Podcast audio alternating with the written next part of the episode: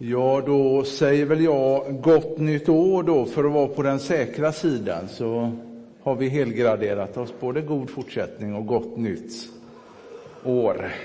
Ja, oavsett om du är hemma framför skärmen eller om du är här som ni som sitter här så tror jag idag att jag har ett eh, budskap till oss alla, ett viktigt ärende. I natt så hade jag en dröm. Jag såg Jesu ansikte med törnekronan och det var inte den där som vi kanske är vana vid att se, en, en vacker målad tavla, utan det var en ganska vanställd Jesus. Alltså en ganska liksom, ja men en dyster syn, men ändå som jag tror en, eh, en allvarsam, eh, kanske framtoning av Jesus. Det är någonting viktigt med denne Jesus och dagens budskap ställer oss inför vem denne Jesus är för oss var och en. Och jag vill börja min predikan med att ställa en fråga. Om Jesus hade fötts idag, här i Mölndal, hade vi då varit mer redo än man var i Betlehem? Vi vill ju gärna svara såklart att vi hade varit det. Vi hade ju minsann inte avvisat Jesus som man gjorde då, eller hur? Hos oss skulle Jesus få rum. Om inte annat så hade vi skapat rum för Jesus. Nog vore vi redo om Jesus hade fötts i Mundal 2022. Men frågan är om det stämmer. Alltså, hade vi, varit, hade vi verkligen varit mer förberedda på Jesu födelse idag än vad man var då i Betlehem? Läser vi Bibeln så tycks ingen ha varit beredd på Jesu ankomst. Herodes var det absolut inte. Inte de skriftlärda heller, trots att de visste mycket väl var han skulle födas. Inte heller i storstadsmetropolerna som Rom, Aten och i Alexandria uppmärksammade man Jesu födelse. Nej, Jesus han föddes inte i ett palats, utan bland djur. I en fattig familj, en stilla natt, utan pompa och ståt. Alltså bortsett från befruktningen så kom Jesus till världen som de allra flesta barn föds till världen. Inte som en världsnyhet. Han var i världen, läser vi i Johannes, och världen hade blivit till genom honom. Men världen kände honom inte. Inte ens hans eget folk som borde jublat över hans ankomst tycktes bry sig om honom. Men tack och lov så är inte det hela berättelsen. Alltså även om nationen som helhet inte var beredda så fanns det de som var det. Som de vise männen som kom ända från Persien för att tillbe Jesus som kungars kung. De representerar det stora antalet hedningar som villigt omfamnar Jesus med glädje. Även inom Israel så fanns det människor som trodde att tiden för Messias ankomst var inne. Bland dem fanns en grupp som kallades för de stilla i landet, som till skillnad från andra motsatte sig all form utav politiskt våld. Genom ett gudfruktigt liv, genom att fasta, be, så hoppades de var redo för Messias ankomst. Och evangelisten Lukas han skriver om en man som tillhörde de stilla i landet. Hans namn var Symeon, en man som väntat otaliga år på Messias. Och när han slutligen får omfamna Jesusbarnet så inser han där och då att hans långa väntan var över. Och vi läser om hans berättelse som börjar, kan man säga, i Lukas 2, vers 21 till 24. När åtta dagar hade gått och barnet skulle omskäras, alltså Jesusbarnet, fick han namnet Jesus, det namn som ängeln hade gett honom innan han blev till i sin mors liv. När tiden var inne för deras rening enligt Mose lag tog de med honom upp till Jerusalem för att bära fram honom inför Herren, som det står skrivet i Herrens lag. Varje förstfödd son som öppnar moderlivet ska räknas som helgad åt Herren. Det skulle också ge ett offer som är bestämt i Herrens lag. Ett par turturduvor eller två unga duvor. Jesus föddes in i en gudfruktig familj som ville följa lagen. Vi får också veta någonting om Josef och Marias sociala status. Alltså ett par turturduvor eller två unga duvor säger kanske inte dig och mig särskilt mycket. Men läser man i tredje Mosebok så står det att en barnföderska skulle offra ett lamm. Och hade hon inte råd med det så skulle hon offra två turturduvor eller två unga duvor. Alltså detta möjliggjorde även för fattiga människor att följa renhetslagarna. Alltså ett lamm var ju inte en lyxvara. Så utifrån att Josef och Maria offrar två duvor så förstår vi att Jesus växte upp under fattiga förhållanden. Nu hade det gått 40 dagar sedan Jesus föddes. Och med Jesus, barnet i famnen, så går Josef och Maria upp till templet för att helga, frambära sin förstfödde son åt Herren. Alltså se detta framför dig nu. Det fanns inga yttre tecken som skilde Josef och Maria åt från andra par som gick upp till templet den dagen. Alltså, det fanns ingen gloria runt huvudet, inga tindrande ögon som glänste mer än andras ögon.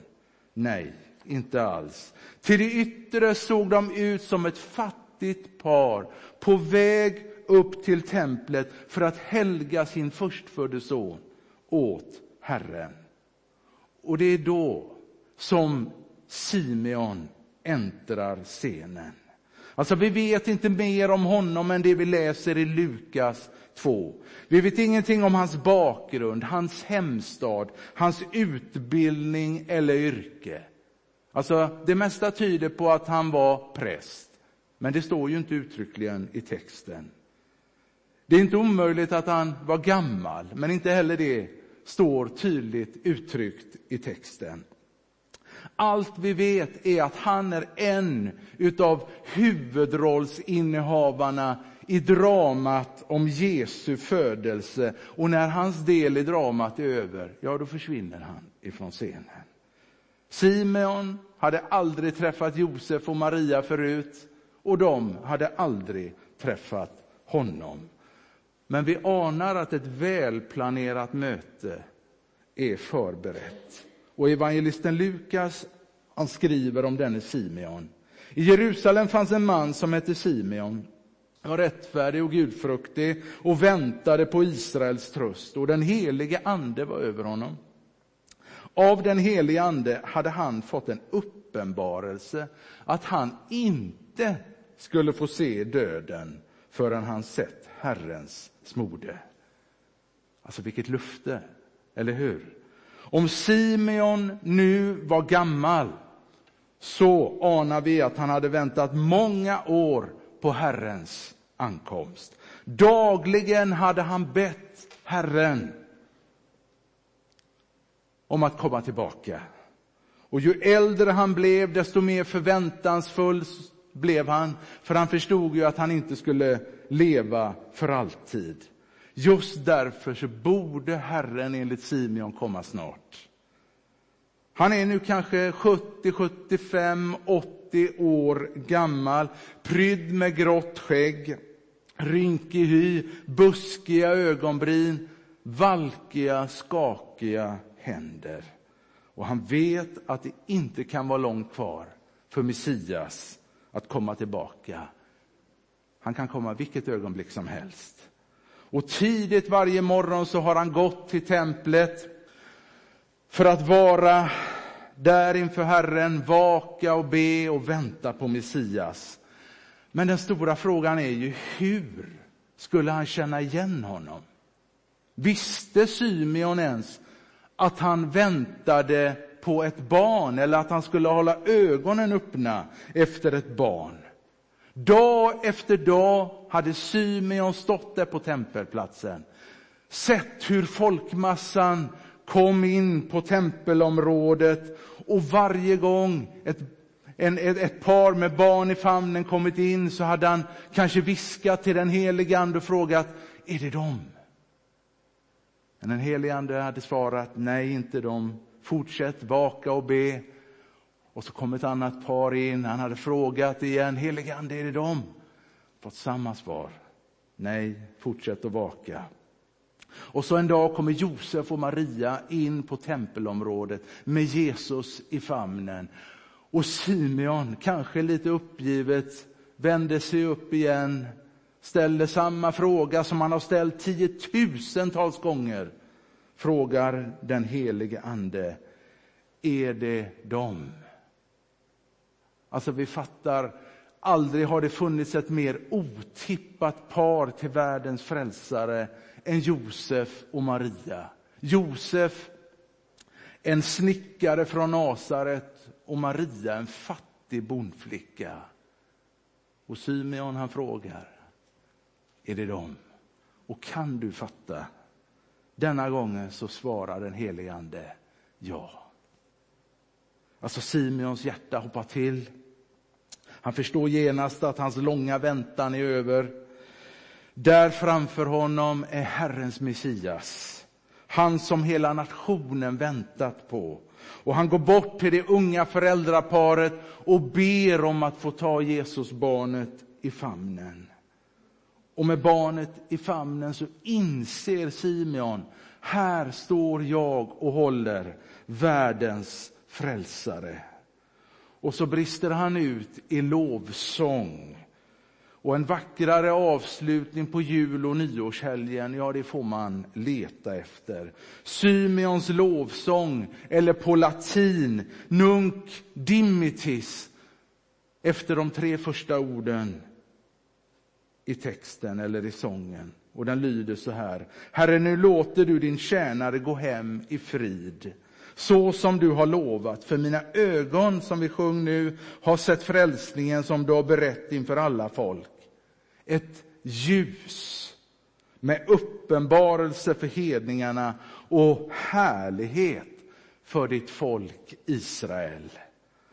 Alltså, Simeons första reaktion tycks vara hans jordiska uppbrott. Att få dö, att få flytta hem till Herren. Alltså ordet gå hem i frid, det är ett militärt begrepp. Alltså det beskriver en väktare som har stått och hållit vakt under nattens många timmar.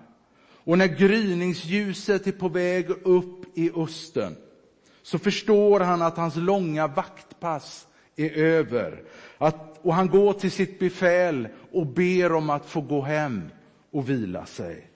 Och så snart han har blivit entledigad så går han hem för att vila ut. Och det är precis så som Simeon känner. Hans långa vaktpass är över. Dagen är kommen. Simeon har sett och omfamnat världens frälsare Jesus Kristus. Lägg märke till vad han säger om Jesus. Han är Israels härlighet. Alltså Simeon förstår att århundraden av Israels hopp och väntan, drömmar, att de är uppfyllda i och med detta Jesus barn.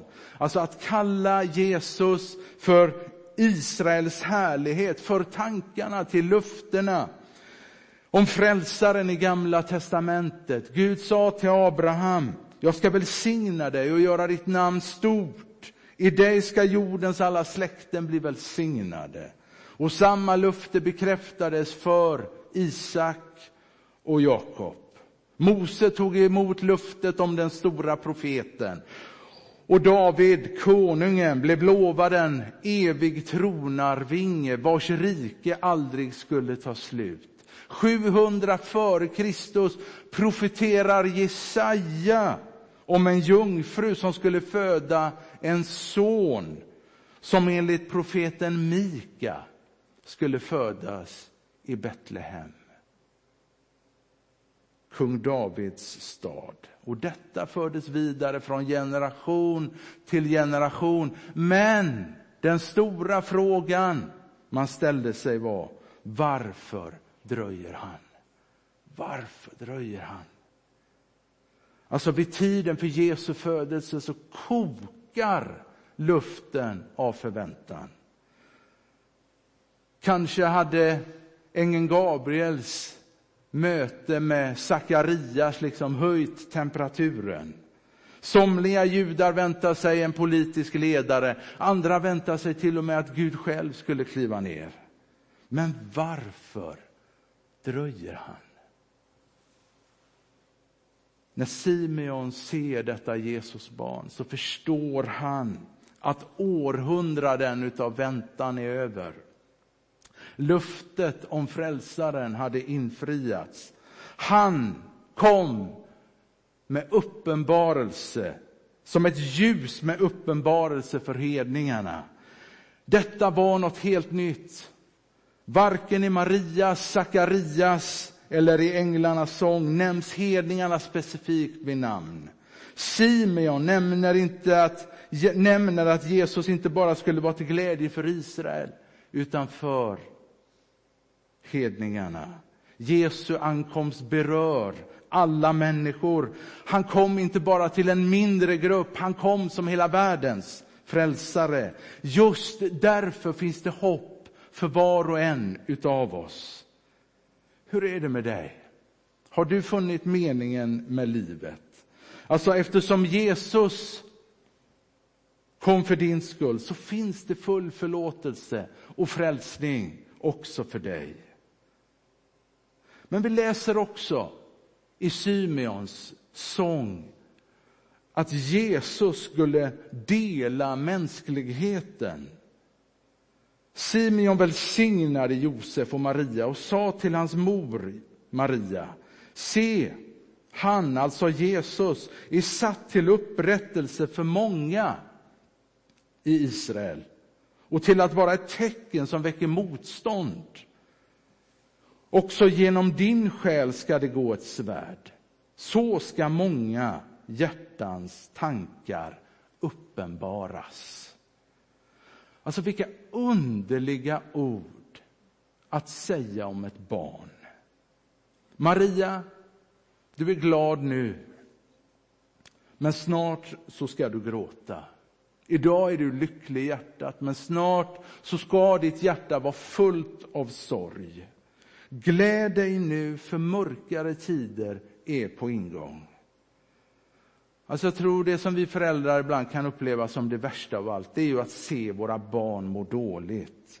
Alltså vi är ju som föräldrar beredda att göra nästan vad som helst för att våra barn inte ska må dåligt, eller hur?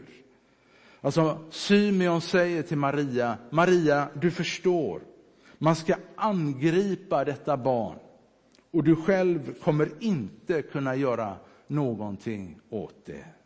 Man ska hata honom, förtala honom, sprida falska nyheter om honom och förtala er som föräldrar. Och du ska stå vid sidan om och se allt detta hända och du kommer inte kunna göra någonting.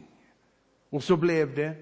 Man kastade ut Jesus ifrån synagogan ifrågasatte hans bakgrund, hans mentala hälsa. Ja, det fanns till och med de som menade att han var besatt utav djävulen. Och mot slutet av hans liv så eskalerar avskyn. Jesus grips, ställs inför rätta. Efter en brutal misshandel döms han till att korsfästas. Och där invid Jesu kors så står Maria och ser allt detta hända. Hur gärna hon än vill göra någonting så kan hon inte göra någonting. Trots att hon ser sonens smärta. Ja, hon kan inte ens hålla hans hand. Och när Jesus dör så var det som om ett svärd går genom Marias själ, precis så som Symeon sagt. Bortom krubban stod korset. FNs tidigare generaldirektör Dag Hammarskjöld, han har sagt hur riktigt att jul följer advent. För den framåtblickande är Golgata platsen för krubban och korset rest redan i Betlehem. Alltså Jesus föddes för att dö på korset i ditt och mitt ställe. Minns vad Simeon hade sagt. På grund av Jesus så ska mångas tankar uppenbaras. Alltså, du och jag förstår att neutralitet, det existerar inte i relation till Jesus. Antingen kommer människor dras till honom eller så kommer människor ta avstånd ifrån honom. Något tredje alternativ finns inte. Det är vad, Jesus, det är vad Simeon menar när han säger att Jesus är satt till fall och upprättelse för många och till ett tecken som väcker motstånd. Alltså, i relationen till Jesus så kommer människor alltid bestå av två sorters människor. De som väljer att tro på honom och de som väljer att låta bli. Antingen är Jesus Guds son eller så är han det inte. Och om han inte är det så är han tidernas största bedragare. En galning värd vårt största förakt. Men tänk om han är Guds son. Ja, då är ju den enda riktiga responsen att likt Simeon omfamna Jesus som sin Herre, sin vän och frälsare. Alltså som jag ser det så har ju du och jag två val i relationen till Jesus. Antingen så förenar du och jag oss med Herodes och försöker döda Jesus. Eller så förenar vi oss med de tre vise männen eller Simeon som omfamnade Jesus. Något tredje alternativ existerar inte. Och jag vill fråga så här, två dagar in på det nya året. Vem är Jesus för dig? Alltså här står vi liksom på tröskeln, har tagit steget över, två dagar in på det nya året. Vem är Jesus för dig? Du och jag vet ingenting om vad 2022 kommer innebära. Vet ingenting. Men se till att ha Jesus med. Här i texten, och jag tycker det är så intressant, för vi kan liksom lullulla lite för mycket med julevangeliet. Jag säger alltid till Anna-Maria, när vi förbereder något som har med julen att göra, låt oss då se till att vi har ett halmstrå som river till lite grann. Alltså det får inte bli för gulligt. Förstå mig rätt. Alltså samme Jesus som är världens frälsare är också mänsklighetens tudelare. Du vet när, när Symeon pratar om det här svärdet som ska gå i, i Marias själ. Ja, då är det ett grekiskt ord för kanske det mest fruktade stridsvapnet du kunde möta på Nya testamentets tid. Alltså, du är antingen för eller emot Jesus. Alltså, Jesus tillåter ingen människa att bli neutral. Och du undrar kanske varför inte då? Jo, du förstår att ditt förhållande till Jesus har med evigheten att göra. Jesus säger, eller Symeon säger, att Jesus antingen är förfall eller upprättelse. Alltså, det grekiska ordet, ja, det är samma där Jesus själv i sin bergspredikan talar om hur du väljer att bygga ditt liv. Du kan antingen bygga ditt liv på sand men då står det att raset blev stort. Det är samma ord. Fallet blev stort. Eller upprättelse, de dödas uppståndelse. Alltså du som säger ja till Jesus har ingenting att frukta. Det är på liv eller död, men valet är ditt. Simeon beslutade sig för att omfamna Jesus och kunde därför säga, Herre, nu låter du din tjänare få flytta hem i frid. För mina ögon har sett din frälsning som du har berett inför alla folk. Alltså i den stunden du säger ja till Jesus, då är döden inte längre en fiende. Har du där hemma omfamnat denne Jesus, denna evangeliernas Jesus? Det är honom vi pratar om. Om inte så kan du få ta emot världens bästa julklapp, Jesus Kristus som din Herre och Frälsare. Handen på hjärtat. Återigen, ingen av oss vet hur 2022 kommer att bli. Så se därför till att ha Jesus med.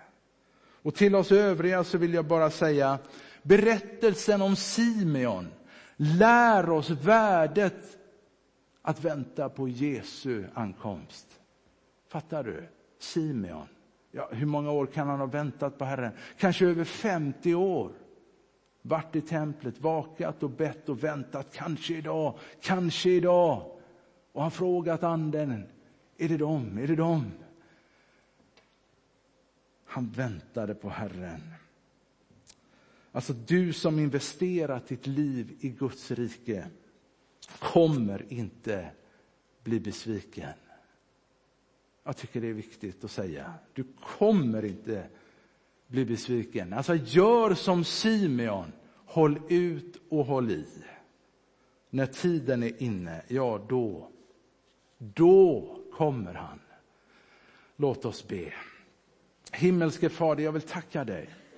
Jag vill tacka dig Gud för att du redan på förhand har talat om för oss att det är värt att vänta, det är värt att hålla i och hålla ut. Herre Simeon, lär oss att den som investerar sitt liv i Guds rike, ja Herre, han blir inte, hon blir inte besviken. Herre, jag tackar dig för det. Men Herre, jag tackar dig också att du har i, i och med berättelsen skickat med ett litet rivigt halmstrå, Herre, som faktiskt tvingar oss att ta ställning Herre, neutralitet förstår vi, det existerar inte i relation till dig Jesus. Antingen är man för dig eller så är man emot dig.